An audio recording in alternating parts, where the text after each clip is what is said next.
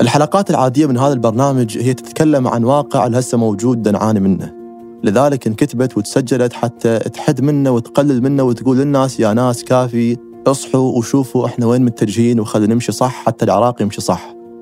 لكن بهاي الحلقة مالت اليوم اللي هي عنوانها طائفية ما راح نتكلم عن ماضي راح نتكلم عن شعب قدر ينتصر على هاي الطائفية وشنو المربي وشلون قدر يسحلها ويطيح حظها. الطائفية عند العراقيين تعني هواي.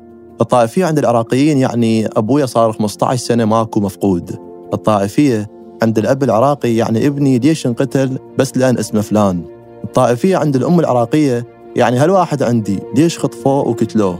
الطائفية يعني بيتنا ومنطقتنا وذكرياتنا ومدارسنا عفناهن لأن خلونا طلقة بالباب. الطائفية عند العراقيين يعني اللقمة السهلة اللي الحكومة أكلت بها الشعب. هاي الطائفية الطائفية يعني يعني قرابة النصف مليون عراقي. اللي راحوا ضحية العنف الطائفي واللي إلى هذه اللحظة أكو جثث لم يعثر عليها في مقابر جماعية واللي تقدر بأكثر من 200 مقبرة. الطائفية هي الكابوس الأكبر اللي مر على العراق بعد العام 2003 الطائفية قصة تراجيدية أبطالها عراقيين أصلاء ولازم نحكي عنها وتسمع بها الأجيال القادمة حتى ما توقع بهيج خطأ. لأن فعلا هو كل جيل معرض لها وللوقوع كضحية لهيج حرب خصوصا أن اللي تسبب بها بال 2007 إلى هاي اللحظة لم يقوم بأي محاولة واضحة للتغلب على هاي الانقسامات وبناء هوية وطنية مشتركة الله لا يعيد ذيك الأيام.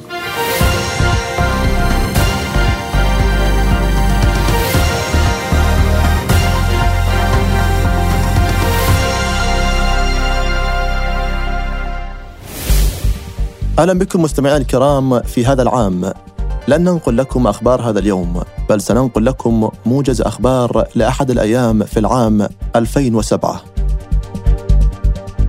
مقتل 15 شخصا في بغداد على أيدي مجهولين ولأسباب طائفية. وأفاد شاهد عيان أن جهة مجهولة نصبت سيطرة وهمية واختارت المواطنين بطريقة عشوائية وأطلقت عليهم الرصاص ومثلت بجثثهم. أي خويا وهذا الخبر على مدار سنتين ماكو نشرة أخبار تخلو من هيك خبر أو خبر أكثر بشاعة. القتل على الهوية يوقع بخمسة أشخاص في وسط بغداد وجدتهم القوات الأمنية ملقون على أحد أرصفة العاصمة وصرح ذووهم بأن جهة مجهولة قامت باختطافهم قبل يوم من منازلهم لأسباب مجهولة. أي أي. اي اي كم علي وكم عمر وكم عثمان وكم عباس خسرناه بسبب القتل على الهوية بهذيك الفترة، كان الواحد يخاف يقول اسمه بسيطرة لأن ما يدري هل هاي السيطرة ويا ضده شو تريد ما تريد. بعد إصراره على عدم ترك منزله، أبو محمد يرمى قتيلا عند باب بيته في إحدى مناطق العاصمة بغداد. ويذكر أن جهة مجهولة كانت قد أبلغت أبو محمد على مغادرة منزله خلال 24 ساعة إلا أن أبو محمد رفض الخروج من منزله. هواي هواي ذكريات مثل هاي. هواي شوارع هواي مدارس هواي بيوت كانت تشكل عند أهلها أمان ومستقبل عافوهن بعد أن تلقوا ظرف بطلقة مكتوب عليها غادر المنزل خلال 24 ساعة. وغادروا وغادروا أحلامهم اللي بنوهم بيها. وأكو ما قدر يعوف بيته ومات وما عاف بيته.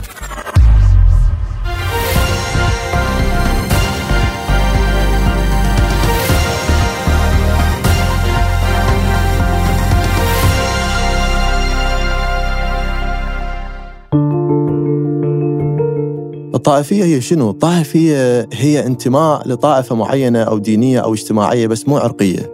ها ومن الممكن أن يجتمع عدد من القوميات في طائفة واحدة. مو فد مشكلة يعني. بخلاف أوطانهم ولغاتهم.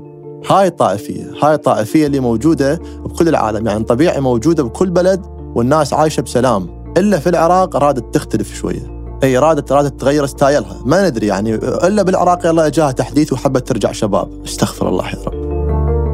من خمسينات ذاك القرن والعراق عايش صح صارت هواي مشاكل وحروب بس ما حد كان جاي بطار الطائفية، شنو هاي الطائفية؟ أصلا ما حد يعرفها، أصلا قبل 2003 المواطن العراقي من تقول طائفية يقول لك والله ما أدري روح دور بالثلاجة، شنو هي الطائفية؟ ما حد يعرفها، إي والله ما يدري بعبارة طائفية لو دول لو شوف شنو.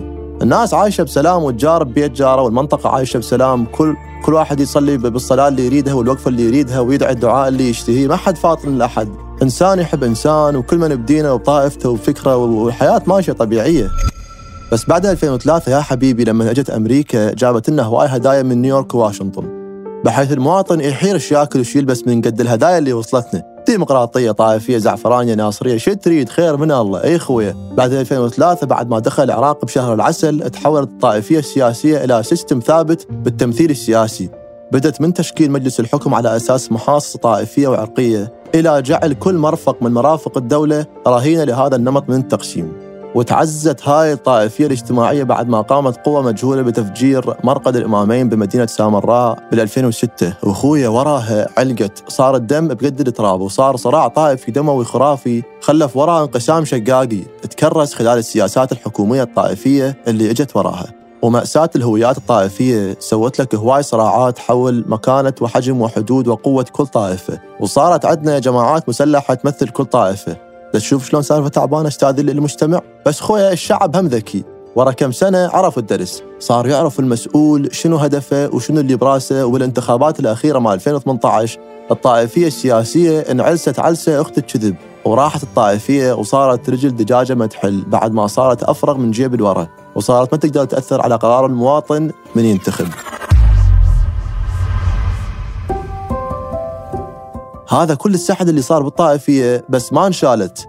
بقت فئة من الشعب مشلبة بيها وبتكره فلان لأن هيك وتحب فلان لأن هيك وفلان لأن هيك اسمه. وهاي المنطقة أو كلهم إرهابيين مستحيل يطلع منهم شيء زين. وظلت الوضعية هيك لحد العام 2019 لما أجت ثورة تشرين وسودت وجه الطائفية راح تقول لي ليش؟ لأن بهاي الثورة الشعب قال كافي وطلع إيد وحدة رافضة لكل شيء يضر العراق. وشفنا ابن الوسط وابن الشمال وابن الغربية كلهم يهتفون باسم العراق. كل مخطط من حقه يطمح وكل فيروس من حقه ينتشر بس العراق ما تمشي عليه هاي السوالف. لذلك هسه أي واحد يجيب طار الطائفية يرقع 100 شلاق بالعراق. بنهاية الحلقة اللي الحمد لله سنة نتحدث بها عن واقع صار وخلص أتمنى العراق بعد ما يعيش هيش مرحلة. وهو أصلا إذا راد يعيش فمن ورانا. إحنا الناس البي الموجودين فخلى هاي القصة يسمعها كل جيل ويستفاد منها. العاشها ما حاجة يرجع يسمعها. والمعاشها خلي يسمع وياخذ عبرة. والله لا يعيد هيك أيام. وباي باي.